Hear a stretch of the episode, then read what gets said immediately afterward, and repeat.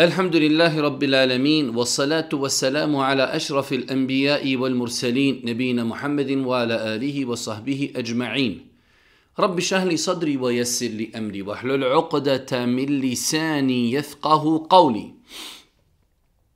دويسة سفاكة زهوالا بريبادا وزيشنم الله تبارك وتعالى Salavat mir i selam na Allahog poslanika, Allahog minika Muhammeda, alihi salatu wasalam, njegovu časnu porucu, njegovu uzor te ashave, i sve ljude koji slijede put istine sudnjega dana.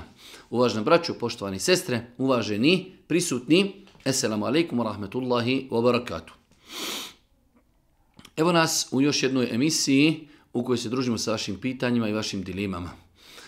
Po ko zna koji put ponavljamo da je doista mnogo, ali baš mnogo e-mailova koji stižu na našu adresu do te mjere da imamo sigurno preko 4000 e, pitanja koja su došla i koja još nismo uspjeli ni otvoriti, a da ne govorim kako nismo uspjeli da odgovorimo na njih.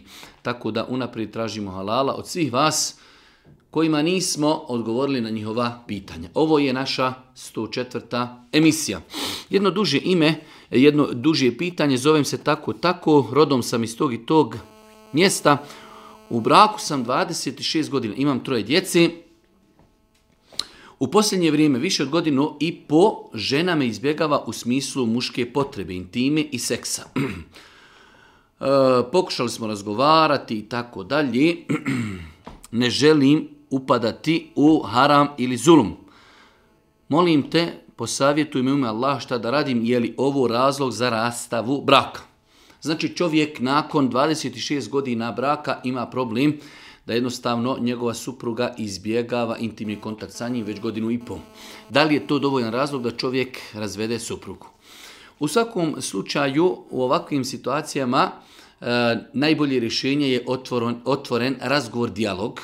Nakon toga da se pokuša e, analizirati i detektovati gdje je problem. Zbog čega supruga nema želju za intimom sa svojim čovjekom. E, liječiti se medicinski svakako, liječiti se čak i šerijatski u smislu može to nekada biti i plod džinsko-šetanskog djelovanja, ako se doista ispostavi, ako se doista ispostavi e, da nema nikakvih e, fizičkih oboljenja, da nema džinsko-šetanskog djelovanja, da jednostavno žena nema potrebu za intimom, u takvoj situaciji čovjek se nalazi, e, ajde da kažemo, u dvije mogućnosti ili, ili da se oženi po drugi puta poligamiju, jednostavno jer ima potrebu i to je normalna stvar. Uzvišnji Allah tala stvorio i muškarca i ženu i jedno i drugo imaju seksualne potrebe prema suprotnom spolu. Ili da razvede tu suprugu i da se nakon toga ponovo oženi kako ne daj Bože ne bi kako ne daj Bože ne bi uradio nešto što je zabranjeno. Opet sve ako čovjek može da trpi i da živi sa takvom ženom, to je opet njegov izbor. U svakom slučaju znači savjetujemo otvoren razgovor, dijalog, liječenje, liječenje medicinsko, liječenje e, rukom ako ima zatim potrebe. Nakon svega toga čovjek, e, znači ako ne bude rezultata ili će posegnuti ako ima e, materijalnu mogućnost za poligamijom, a sačuvati taj prvi brak ili će ili će razvesti tu prvu suprugu, a tražiti sebi drugu ženu. To je ono što se može kazati u ovakvim slučajevima. Drugo pitanje, moj brat je kršćanin i moji roditelji su bili kršćani. Roditelji su preselili, ja sam musliman već odavno. Međutim, moj brat želi podići spomenike našim roditeljima, ali da i ja učestvujem u tome. Već deset godina to odgađamo. Sad ako ja opet odbijem, doći će do zavade između mene i njega i tako dalje. Šta mi savjetujete? U svakom slučaju, u ovakvim situacijama smatram da je najbolje otvoreno razgovarati i kazati stav islama. U redu imamo roditelje, umrli su kao nevjernici, e, brat koji još nije musliman želi da e, roditeljima podigni spomenike, mi muslimani ne podižimo svojima mrtvima spomenike, tako da znači E, opravdano je da čovjek kaže ne želim učestvovati u tome.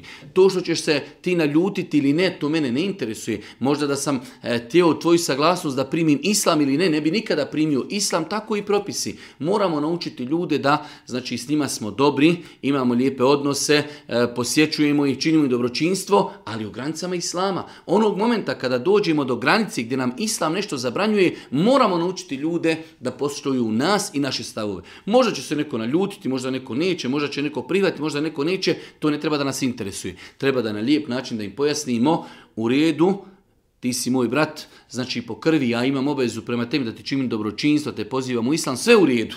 Ali, znači, mogu se družiti s tobom i činiti dobročinstvo u granicama koliko mi islam dozvoljava. Onog momenta kada tražiš nešto od mene što je u islamu zabranjeno, ja tu stajem i znači treba da to poštuješ, da li ćeš se ljuti ili ne, to je tvoja stvar. Poštovani, naime, ja sam katolkinja koja je u vezi sa muslimanom. Otkad sam njega upoznala kroz čitavu vezu, me upoznavao sa ljepotama islama, mijenjali smo se jedno uz drugo, te smo shvatili kako ne možemo jedno bez drugog.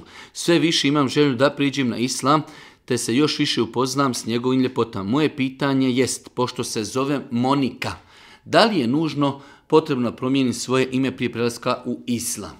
Znači imamo jedno pitanje jedne naše e, djevojke, koja pita da li joj je obaveza prije prihvatanja islama da promijeni ime. Ono što mi je poznato da je da ime Monika nema nikakvo loše značenje, tako da e, ja sam lično stava da u većini slučajeva ljude koji primaju islam ne treba opterećavati dodatno da odmah moraju mijenjati ime. Ako neko doista želi kako bi se baš, hajde da kažemo, deklarisao kao musliman i naditi neko u sebi e, klasično muslimansko ime, Aisha, Hatidža, Sumeja, Hadžera i tako dalje, u redu ali ako žena e, ima lijepo ime i nema nikakvo loše značenje, ja smatram da u početku takve osobe ne treba dodatno, hajde da kažemo, opterećavati, tako da u ovom slučaju e, znači treba poraditi da ova osoba što prije prihvati islam, a mijenjanje imena je sporedna stvar. Za početak nema nikakve potrebe, ime Monika nema nikakvo loše značenje, tako da preporučujem da se za početak ostane na starom imenu.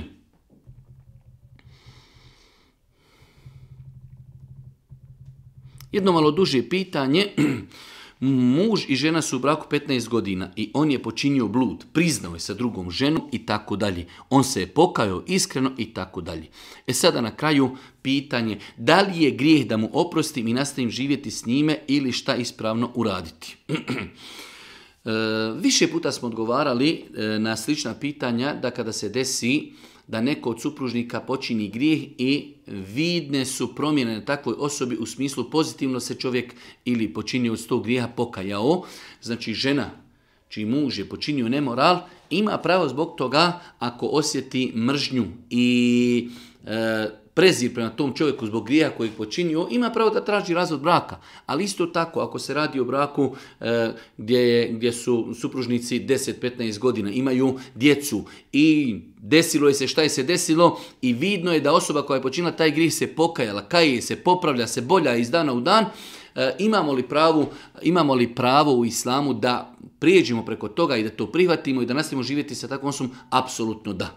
Znači čovjek ima pravo da E, u ovom konkretnom slučaju supruga ima pravo da prihvati e, pokajanje tog svog čovjeka zbog grija koji je učinio i da nastave živjeti, ali svakako treba znači da se, ajde kažemo, e, ogradi od svega toga da pazi da ne dođe u budućnosti do takvih problema.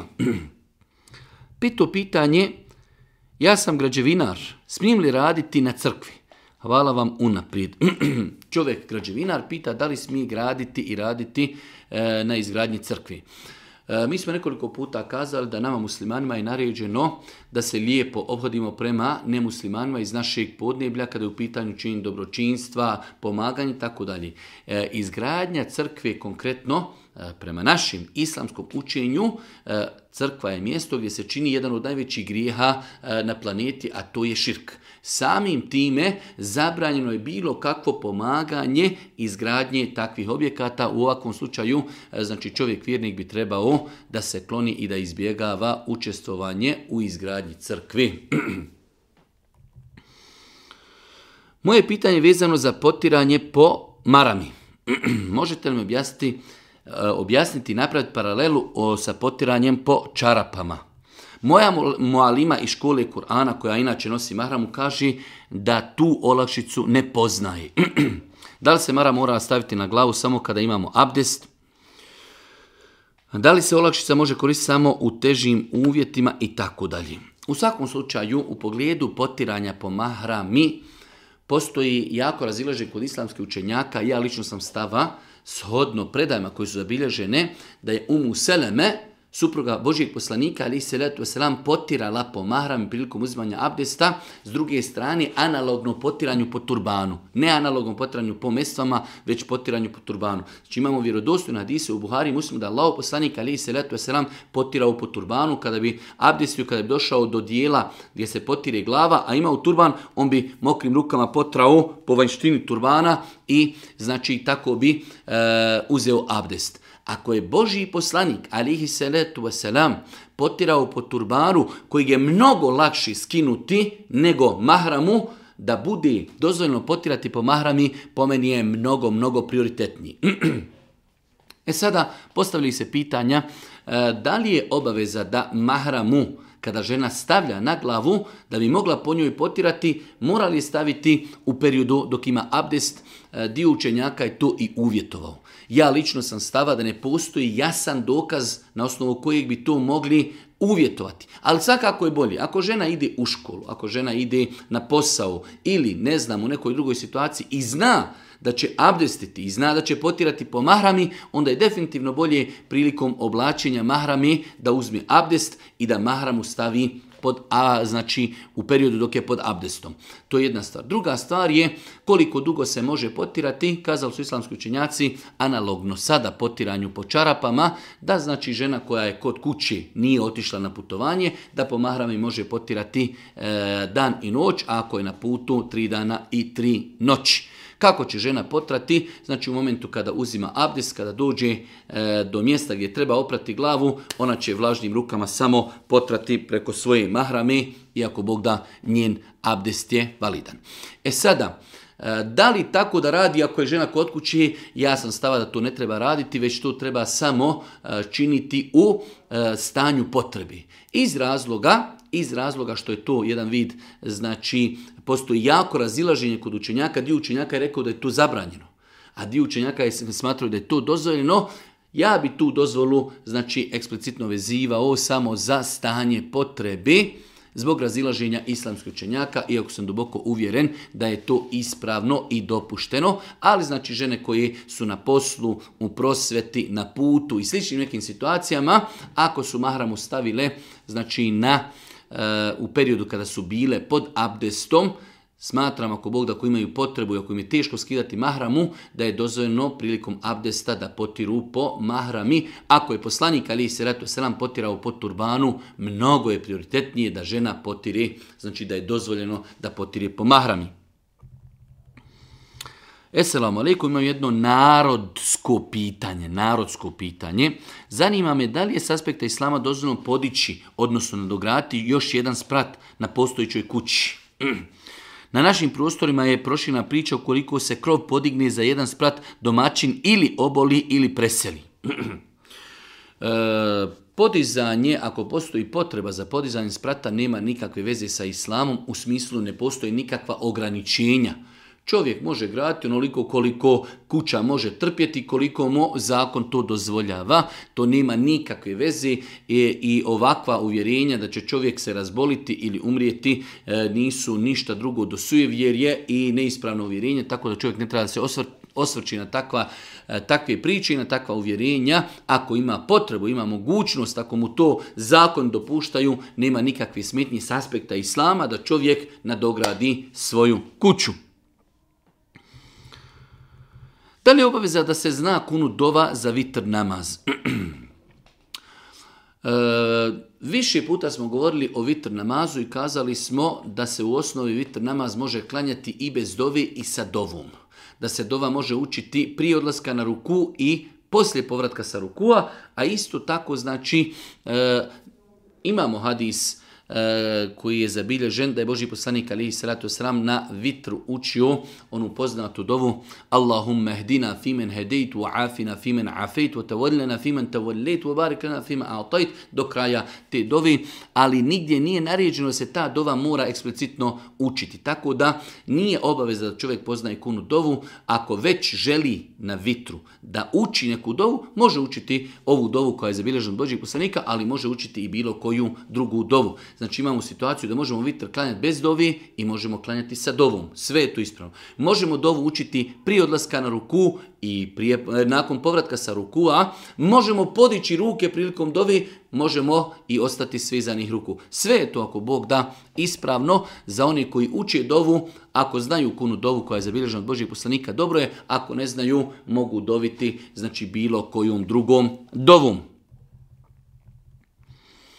Naime, moja majka je presela prije par mjeseci i ostao je njen zlatni nakit. Ne bih htjela da pogrešim šta dalje sa tim naktom pa vas molim da me uputite šta je najbolje urati s time. I metak koji ostane iza žene je klasični miraz koji trebaju njeni nasljednici međusobno da podijeli.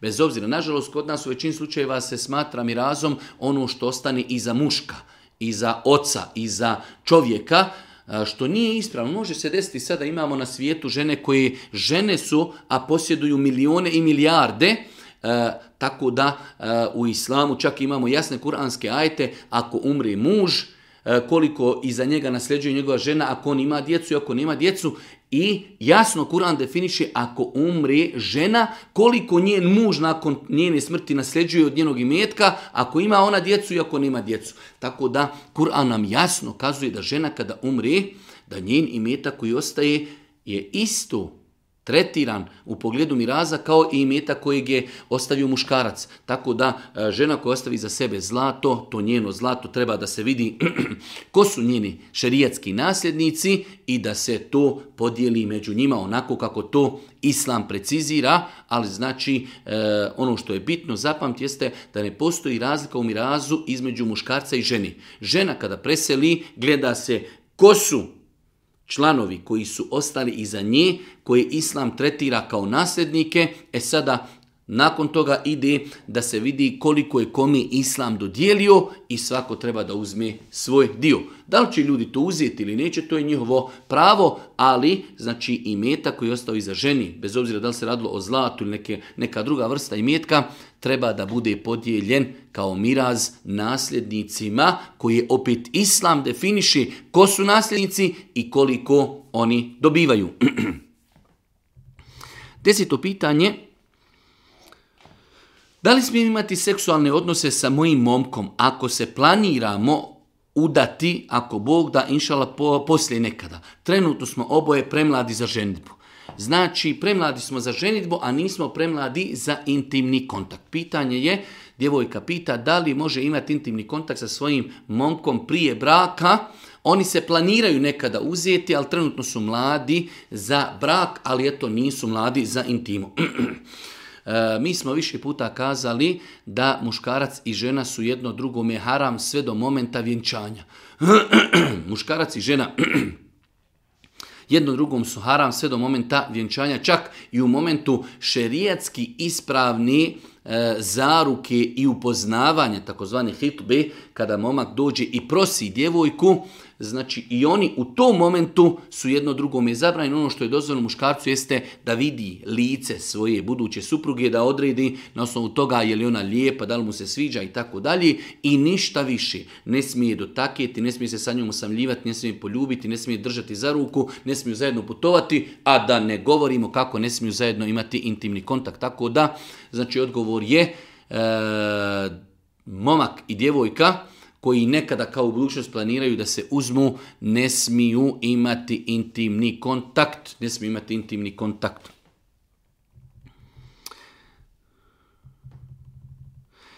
Da bi namaz bio ispravan, da li moramo znati privod onoga što učimo u namazu?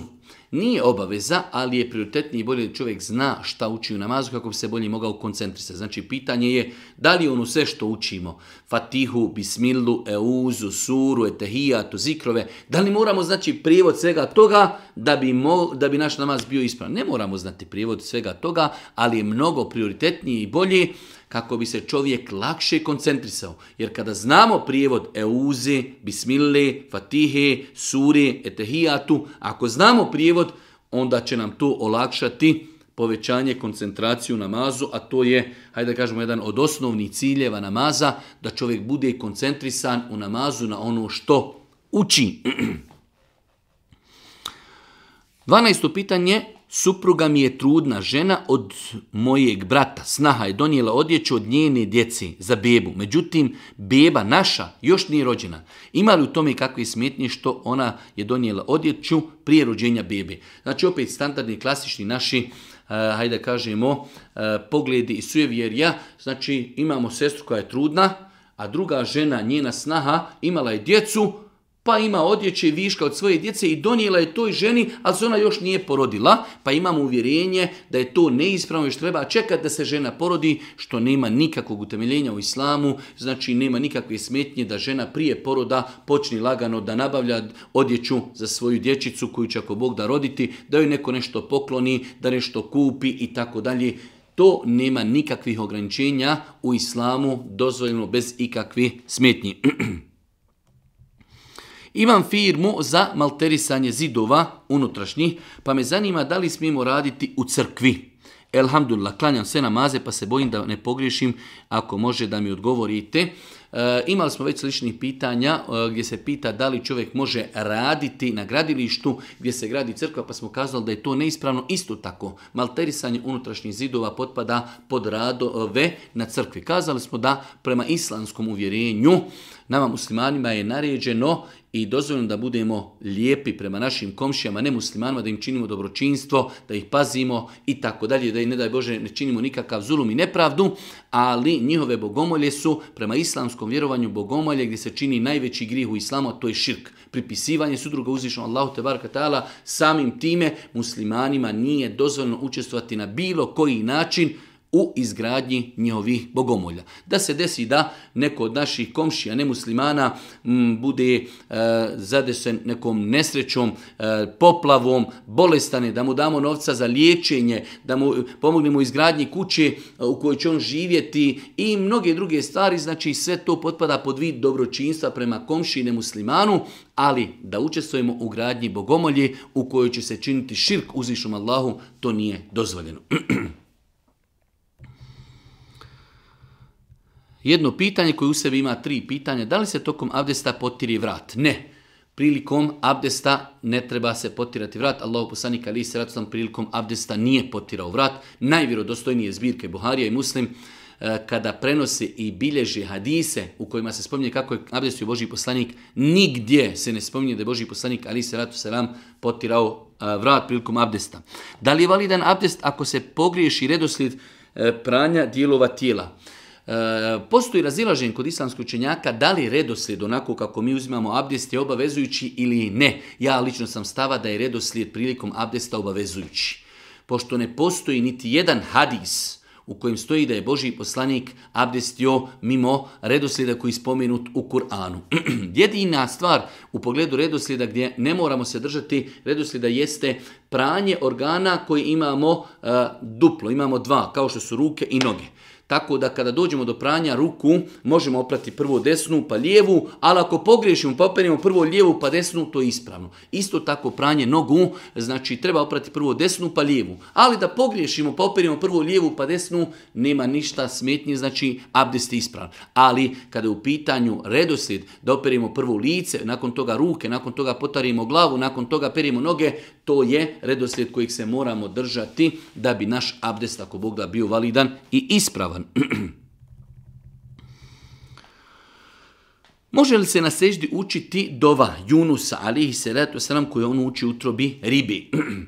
Ovdje se postavlja pitanje, pošto je ta dova spomenuta u Kur'anu, e, da Allah Žešanu spominje dovu koju učio Junus alihi salatu wasalam kada je bio u utrobi ribi, da li je te dove, kuranske dove, dozvoljeno učiti na seđdi, pošto imamo vjerodostojne hadise da Allah poslanik zabranio učenje Kur'ana na seđdi i na ruku. E sada, da li se dova junus ali sela može učiti na seždi, pošto je to kuranska dova. Tačno je da nema smetnje učiti kuranske dove na ruku i na seždi ako se uči s nijetom dove, a ne s nijetom učenja Kur'ana. Tako da odgovor je nema smetnji učiti dove koji su spomenute u Kur'anu, nema smetnje da učimo na ruku i na seždi, ali ih učimo s namjerom i nijetom dove, a ne s namjerom i nijetom učenja Kur'ana. 16. pitanje ja radim u firmi gdje je ponekad za, neki, za neke stvari gazda mi kaže da ih bacim u kontejner. Da li ako nešto uzmem od toga za sebe spada u haram? Ako je već gazda dozvolio da se to baci, samim tim je on dozvolio da to ako se baci bit će, hajde da kažemo, odneseno i baceno, bačeno u smeće. Ne vidim ništa sporno u tome da čovjek nešto iz toga uzme sebi za svoje vlasništvo. Svakako, ako bi E, kazao, obavijestio tog svog šefa da, da, da dobije od njega neku opću dozvolu. Kaže, vidite, vi nekada bacate određene stvari, ja bi mogao od tih stvari nešto iskoristiti, mogu li ja to uzeti? Ako bi dobio tu saglasnost, to bi definitivno bilo mnogo bolje, ali ako ino ne dobije tu saglasnost, sama činjenica da je šef naredio da se nešto baci, Znači, on se odrekao vlasništva nad tim stvarima i kao što bi mogao neko drugi naići pored tog kontejnera i uzeti ono što je bačeno, zašto to ne bi mogao uraditi neko od radnika, ali eto, kako ne daj Bože to ne bi otvaralo vrata sumnje, a otkud tebi to, ko ti rekao da uzmiš i tako dalje, možda je prioritetnije i bolje da čovjek, znači e, osobi koja mu to naređuje, kaže vi nekada bacate stvari od kojih bi ja nekada mogao nešto uzeti, koristi, mogli ja to uzeti, znači samim tim vjerujem da će izgraditi dodatno povjerenje kod svog poslodavca, a s druge strane onda će biti siguran da ono što uzme je dozvoljeno, iako sam uvjeren, e, ako bi to uzeo i bez ičijeg znanja da je to e, dozvoljeno iz razloga što je to već znači izašlo iz vlasništva određene osobe i samom čimcom dok je naređeno da se baci u kontejner.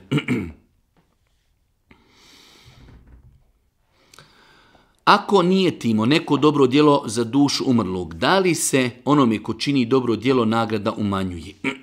Pitanje znači ako ja uradim dobro djelo, i to dijelo poklonim nagradu tog dobrog dijela svome nekom tu da li ja i dalje imam nagradu za to učinjeno dobro djelo, kazali su islamski učenjaci e, da je se nadati, nadati je se da to neće umanjiti čovjeku ništa od njegove nagrade. Primjer radi, ako ja E, uplatim stotinu konvertibilnih maraka za svoga oca i za svoju majku, da li ću ja imati nagradu? Kazali su islamski učenjaci, pošto je to vid dobročinstva prema mojim roditeljima, imat ću ja nagradu što sam učinio njima dobročinstvo, a oni će imati nagradu zbog onoga što sam ja uložio i udjelio na njihovo ime. Tako da, Allahov rahmet i Allahova milost je velika, pa kažu islamski učenjaci da je nadati se je se da će uzvišnji Allah subhanahu insana koji je uradio djelo i poklonio nagradu tog dijela e, nekom od mejita, da će i onako Bog da imati nagradu za to dobro djelo.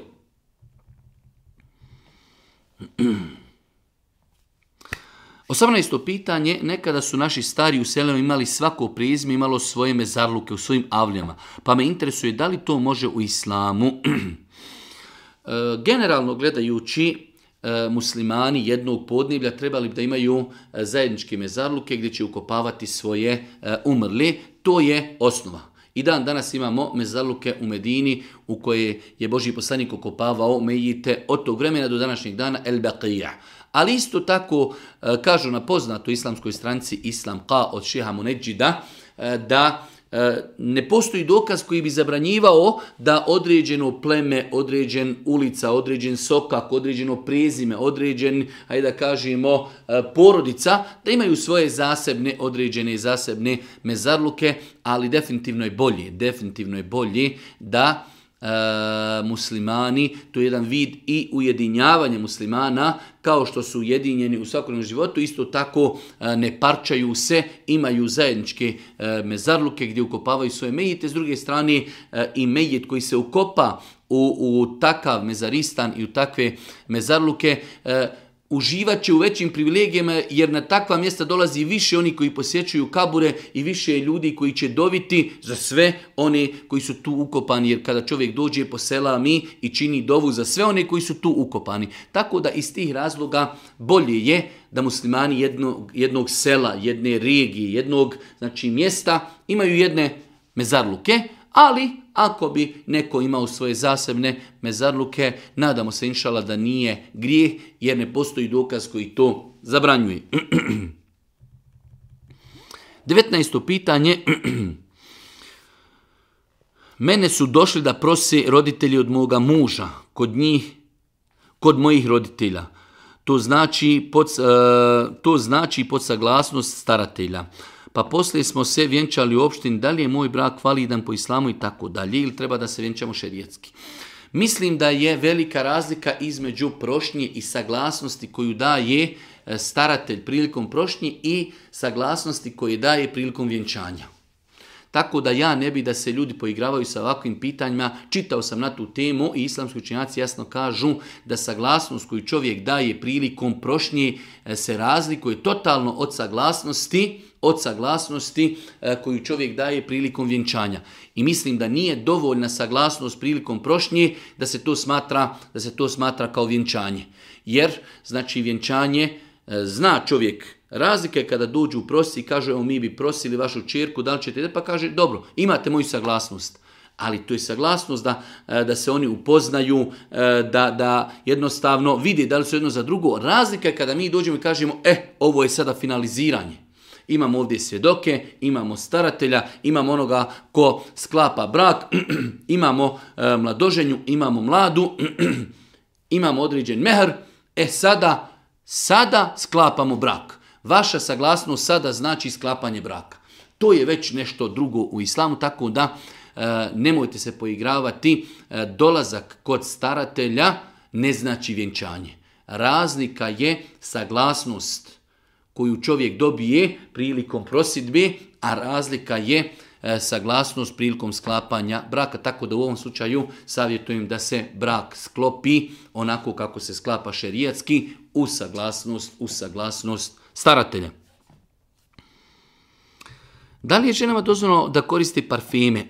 Pred kime sve žena smije biti otkrivena? Da li je ženama dozvoljeno da koriste parfeme? Da. Ženama je dozvoljeno da koriste parfeme, ali je bitno da na mirisane ne izlazi iz kući. Žena da koristi parfem eh, u kući za svoga muža da se uljepša ili kada dolaze gosti, dolaze mu safiri, znači eh, osobe koji su njoj trajno mahremi, nema smetnje nikako da žena koristi eh, parfem, da koristi mirise, ali je bitno da ne izlazi iz kući namirisana. To je jedna stvar. žena treba da bude pokrivena, odnosno kim može da bude otkrivena. Žena može da bude otkrivena pred muškarcima koji su joj trajni mahremi. Mi nemamo ovdje sada vremena da nabrajamo koje sve ženi trajni mahrem, ali je veliko pravilo e, svaka osoba koja je ženi trajni mahrem, trajni mahrem, Žena može pred takvom osobom da bude otkrivena u smislu da ne nosi mahramu, da nosi suknju, da nosi majicu nekih kratkih rukava i tako dalje. Ono što nosi, hajde da kažemo, u običaju u svojoj kući, znači pred osobama koje su njoj trajno mahremi. Sve mimo toga žena treba pred takvim osobama da bude pokrivena. Možete li pojasniti da li je ispravno da određeni imami klanjaju dva puta e, džumu namaz u istom danu? da li je u pitanju validnost e, namaza džematljama koji klanjaju po drugi puta? U svakom slučaju ovo je jedno izuzetno komplikovano i teško pitanje. Imamo vjerodostojne hadise da je Boži poslanik zabranio da se jedan namaz u toku dana ponavlja dva puta. To je prva stvar. Druga stvar, E, u određenim situacijama kada postoji jaka potreba učenjacu dozvoli da se određen namaz ponovi. E sada ostaje e, da znači imamo situacije pogotovo na zapadu gdje jednostavno e, male su prostorije i onda imamo ljude koji mogu doći na džumu u 12 sata, imamo druge ljude zbog obaveza koji mogu doći na džumu u 3 sata pa je se jedno od rješenja je da se džuma namaz dva puta klanja. E, inšala vizna ne bi trebao da bude problem da se džuma namaz dva puta klanja, ali mislim da bi trebalo raditi na tome da se razlikuju imami, znači da jedan imam klanja e, prvu džumu, a drugi imam da klanja drugu džumu.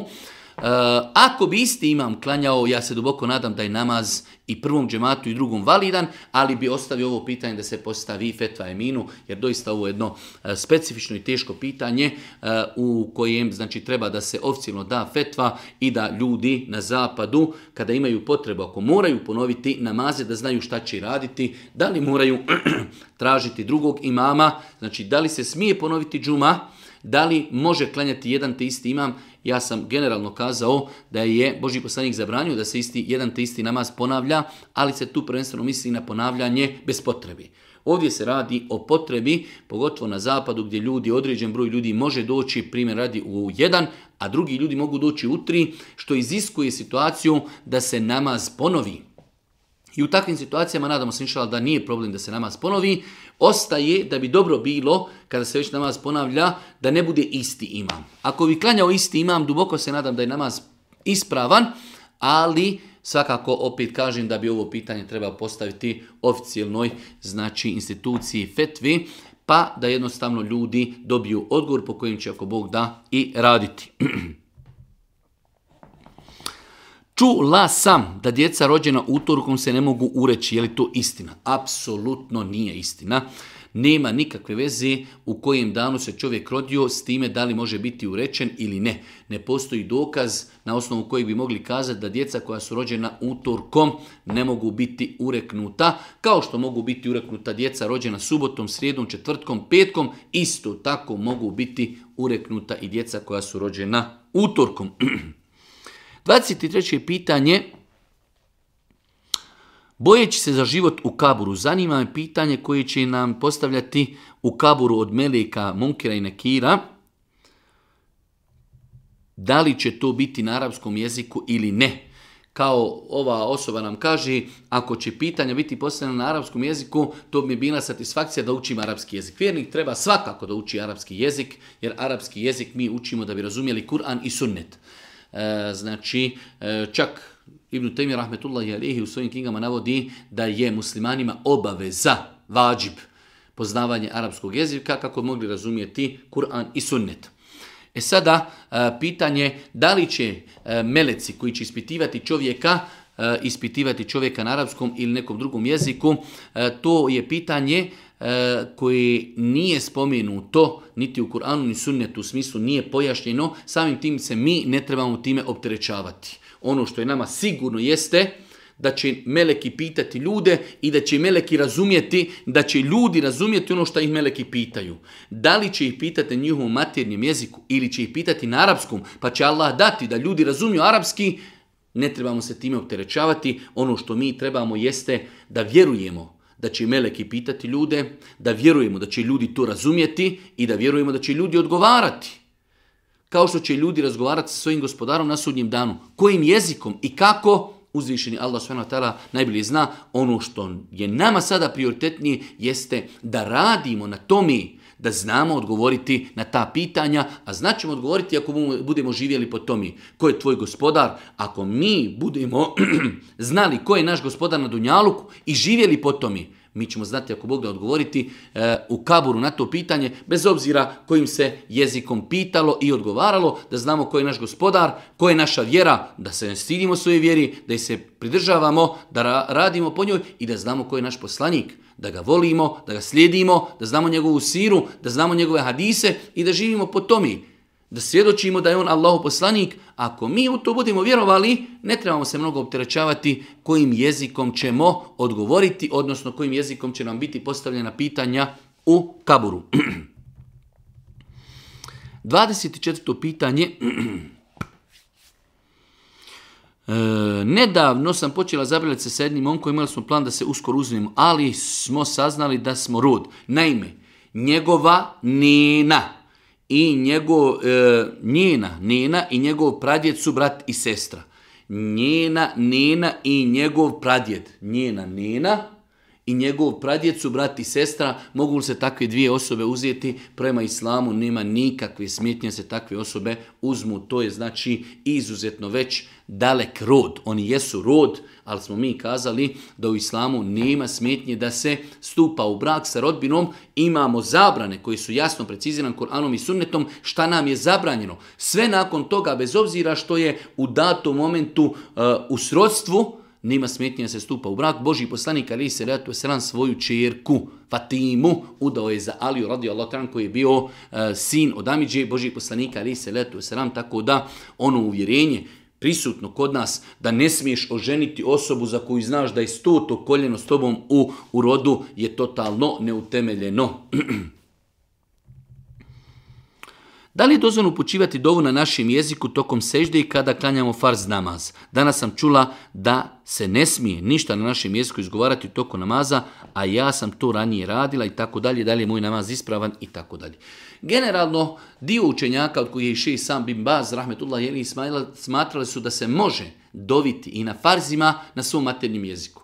Ja lično sam e, uvjerenja da je bolje to izbjegavati kad su u pitanju farzi, jer farz generalno ima dodatnu, hajde kažemo, svetost, tako da ako čovjek već hoće doviti na maternjem jeziku, neka to radi na, na filama. Ali, ako je neko već radio to iz neznanja, a iz razloga što neki učenjaci to zvali njegov namaz ako Bog da je ispravan, validan i ne treba se opterećavati, već treba gledati za budućnost. Ja lično ne preporučujem da se e, na maternjem jeziku dovi u farzima. Za razliku od na fili, na fila je generalno prostor gdje ima više tolerancije, na filo je dozvoljeno klanjati sjedeći, bez ikakvog razloga, na fila na putu se može klanjati na jahalici, ne moramo se okrenuti prema kibli i tako dalje. Tako da sve su to pokazatelji da je pitanje na fili mnogo, mnogo tolerantnije nego pitanje farza samim time i smatram da je bolje da se e, dova na maternim jeziku uči samo u fili, nikako u farzima. Eselam aliku imam jedno pitanje, to je stav oko učenja Kur'ana melodičnom, melodičnim načinom. Gdje je i ko je nama predstavio kako se Kur'an uči na melodičan način, a ne normalnim uobičajnim govorom? Ko nam je i gdje nam je pojasnio? Pojasnio nam je Allah poslanik ali se letu selam u vjerodostojnom hadisu koji bilježi imam Ebu Davud i drugi sa vjerodostojnim lancem prenoslaca stoji da je Allah poslanik rekao Lej se minna men lem ganne bil Kur'ani. Nama ne pripada onaj ko ne uči Kur'an melodično i ne uljepšava glas prilikom učenja Kur'ana. Jednom od prenoslaca hadisa u predaj koji bilježi imam Ebu Davud, eh, a on je Ibn Abi Mulejke, rekao mu čovjek Kaže, a šta će uraditi onaj čiji glas nije u osnovi lijep? Kaže, neka se potrudi koliko može. Neka se potrudi onoliko koliko može. Tako da je od sunneta i lijepo i pohvalno da čovjek kada uči Kur'an, uči uljepšanim glasom. Ne treba pretjerivati. Mi imamo u današnje vrijeme ljudi koji se naprežu, pretjeruju učenju Kur'ana. To je opet s druge strane neispravno i bespotrebno. Ali razlika je kada čovjek uči samo Kur'an, da kažemo, citira Kuran, Alhamdulillahi Rabbil Alamin, Ar-Rahman, rahim a razlika je kada uljepšava glas, Alhamdulillahi Rabbil Alamin. To je već uljepšavanje glasa koje je potrebno i svakako da to ostavlja dodatno traga i na samog učača i na one koji slušaju Kuran. Tako da je od sunneta lijepo, pohvalno da čovjek prilikom učenja Kur'ana uljepšava svoj glas, kao što je došlo pojašnjeno od Ibn Ebi Muleki, u granicama svoje mogućnosti. Jednostavno, e, glas ljudi se razlikuje. Neko ima ljepši glas, neko manji, neko viši, ali u granicama svoje mogućnosti čovjek treba da uljepšava glas prilikom učenja Kur'ana, a s druge strane i da ne pretjeruje u tomi. 27. pitanje.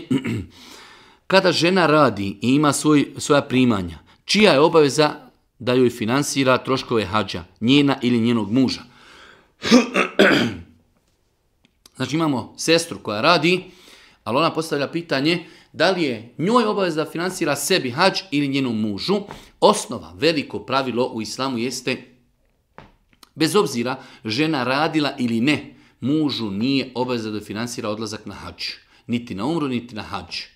Znači imamo obaveze muža prema ženi jeste da joj obezbijedi stanovanje, hranu, odjeću, piće, ispuni njene intimne potrebe. To je ono čime je šerijat, islam obavezao muža. Nije muž obavezan da svojoj ženi financira odlazak na hađ. Svakako da je vid dobročinstva, vid zahvalnosti, vid e, e, bračne harmonije, da muž ako je imućan, ima novca, da svojoj supruzi pomogne da uplati hač i da idu zajedno na hač, ali je to samo vid dobročinstva, nikako vid obaveze. Znači knjige Fika prepune su govora u kojem stoji da čovjeku nije obaveza da finansira ženi odlazak na hač. Samim time i žene e, čiji muževi e, finansijski e, E, plati svojim ženama odlazak na hađi na umru, trebale bi to dodatno da cijeni, jer to njihovom mužu nije obaveza. Troškovi hađa su veliki, troškovi umrije su nerijetko veliki. Žena bi trebala da zna, svakako muž treba, ako može, da to uradi, zato što njegova žena to zaslužuje i ponašanjem i odgojem djece i mnogim drugim stvarima, ali isto tako žena treba da to dodatno cijeni, da zna mužu. Nije bila obaveza da joj plati hađ, a on joj je platio hađi ili odlazak na umru i tako dalje. Generalno, znači odgovor mužu prema islamskim načelima nije obaveza da finansira ženin odlazak na hađ. Žena ako ima svoja sredstva, ona će i e, sama sebi uplati hađ, ako nema i nije dužna, ali muž ako je imućan, svakako da je vid dobročinstva i dobroti prema svojoj supruzi, ako može da joj finansira odlazak na hađ. Da li možemo da sjećemo nokte poslije uzimanja abdesta kvari ili abdest sjećenje nokata? Apsolutno ne. Znači, rezanje nokata nema nikakve veze sa uzimanjem abdesta, tako da osoba koja je uzela abdest, nakon toga osjeće nokte, ona znači je i dalje pod abdestom.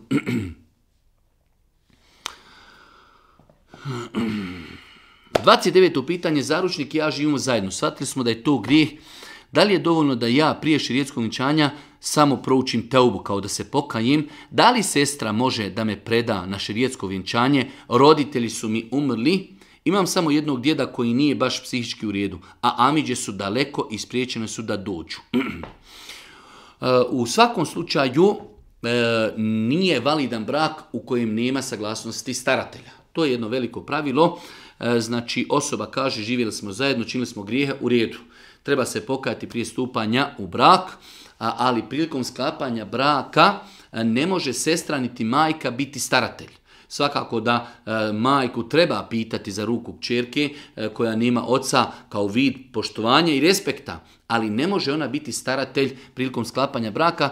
Ovdje nam kaže ova naša sestra, e, djed znači psihički nije u redu, imaju Amiđe, kaže, ali su daleko i spriječeni su da dođu. U redu, treba te Amiđe kontaktirati jer oni mogu biti staratelji, a ako ne mogu doći, oni mogu opunomoćiti nekoga. Pa ako imamo amidžu koji u Americi, mi njega nazovemo Esalamu alaikum, Amiđa, ja sam taj i taj, želim da ženim tu i tu djevojku, vi ste njen staratelj, imate li vi šta protiv toga i tako da. Upoznat se sa njim, ako on kaže u redu je sve, dobro, ja ne mogu doći iz Amerike onda on nazove nekoga čovjeka i kaže ne znam, Haso, Huso, Mujo, ti si moj opunomoćenik, otiđi tog, i tog dana na vjenčanje, ti mene zastupaš. Reci, ja sam zastupnik tog, tog čovjeka iz Amerike, on je Amidža, ti i te djevojke, on je rekao da ja ispred njega prenesem njegovu saglasnost za ovaj brak. Tako da brak mora biti sklopljen sa saglasnošću staratelja, onoga koji je prisutan i koji se pita. Ako on ne može doći iz određenih razloga opravdanih, onda može nekoga opunomoćiti ko će njega zastupati na vjenčanju.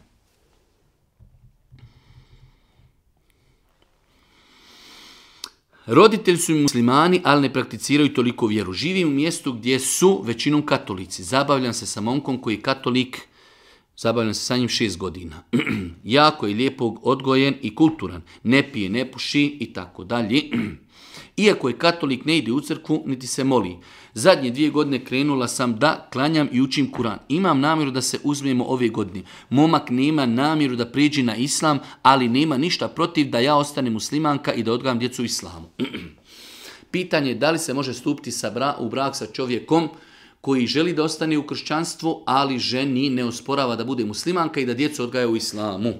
Prema konsenzusu islamskih učenjaka ženi nije dozvoljeno, haram joj je, da stupi u brak sa nemuslimanom, bez obzira da li on bio kršćanin, bio židov ili e, znači budista ili bilo šta slično to mi bilo koje druge vjere prema konsenzusu. Šta to znači prema konsenzusu? Nikada niko u historiji u, u Lemi i učenjaka Islama nije to dopustio. Tako da, E, znači, e, ovdje treba porati na tome da se s čovjekom porazgovara, da mu se kaže ova žena ne može s tobom stupiti u brak iz razloga što musliman.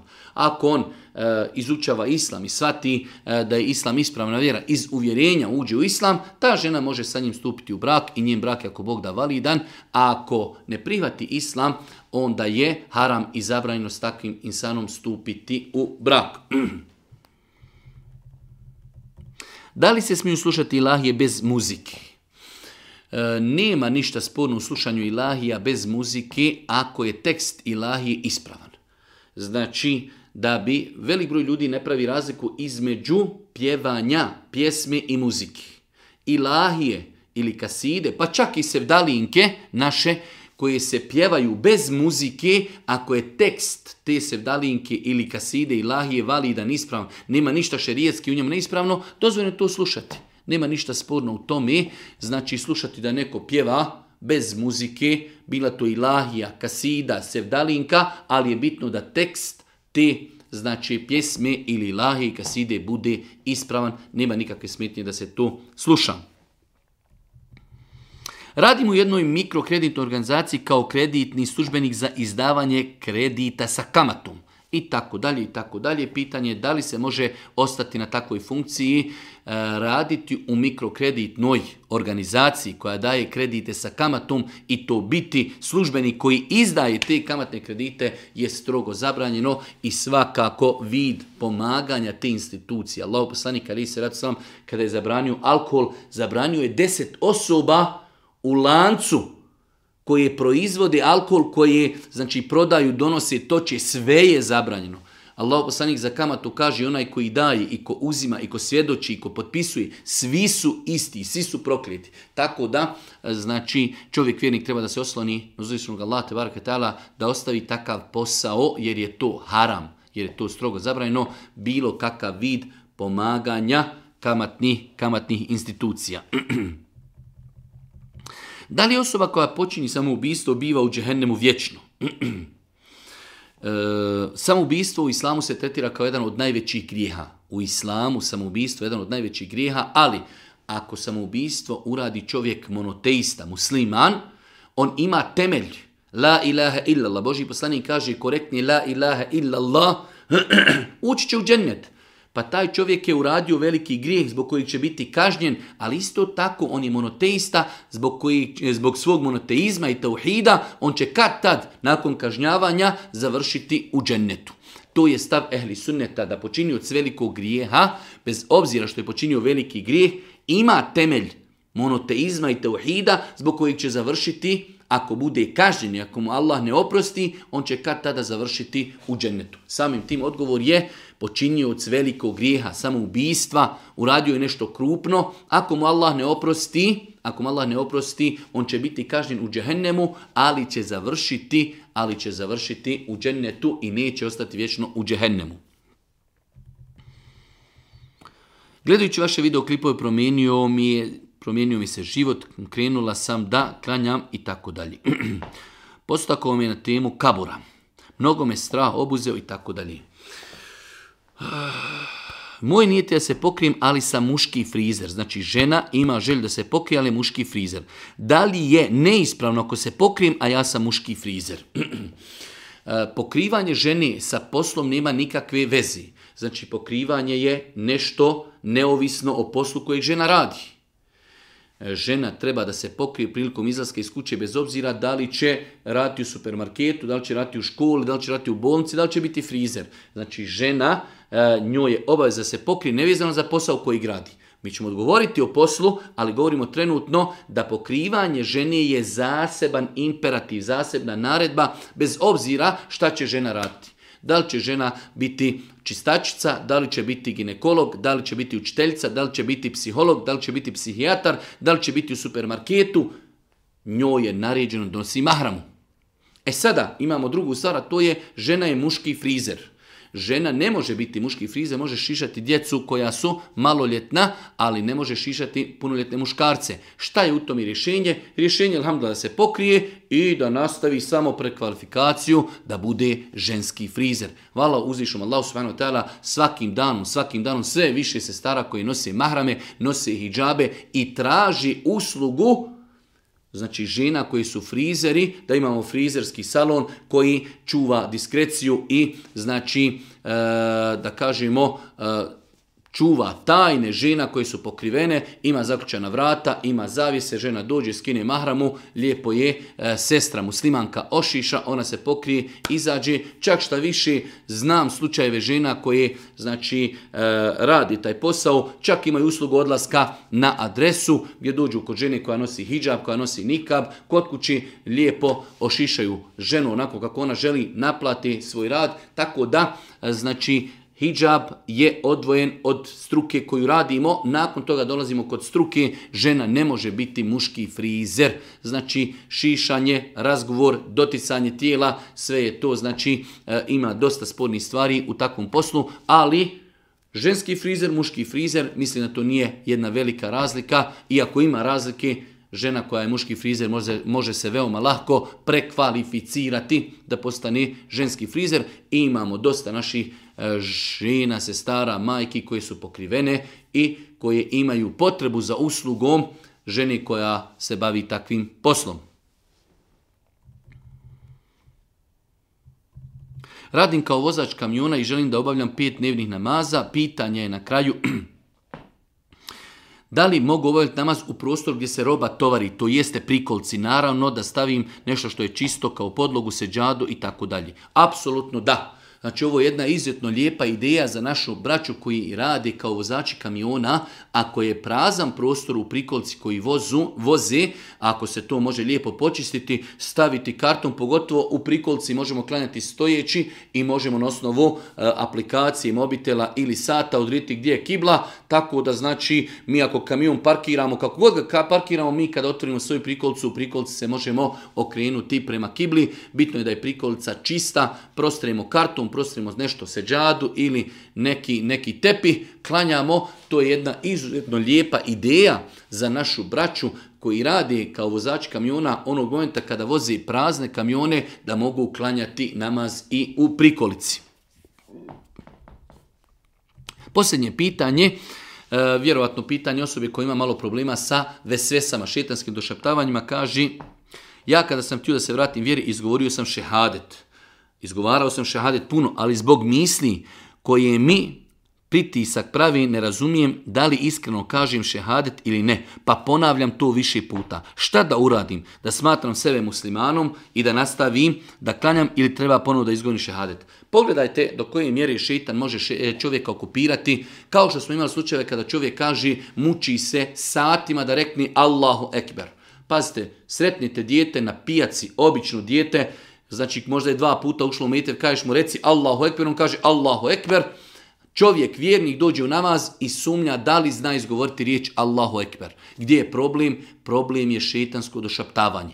I on je nažalost prihvatio tu igru sa šetanom, rekli smo da je to strogo zabranjeno. Allahu Ekber, i idemo dalje. Ne smijemo razmišljati niti ponavljati tu izgovornu riječ. Isti je slučaj u ovom pitanju. Čovjek rekao, ešhedun la ilaha illa, Muhammedan Muhammeden abdun Vjerujem da je Allah gospodar, stvoritelj zemlje i nebesa, da se samo njemu bade čine, i vjerujem da je Muhammed Boži rob, Boži poslanik. I kaži, to ja mnogo izgovaram, ali i dalje sumnjam da li sam to ispravno rekao.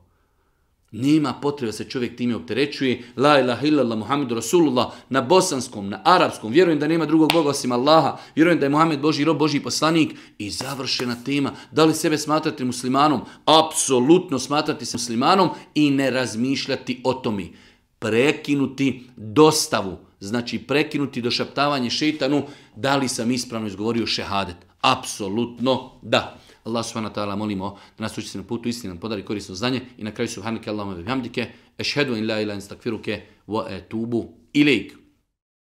oh.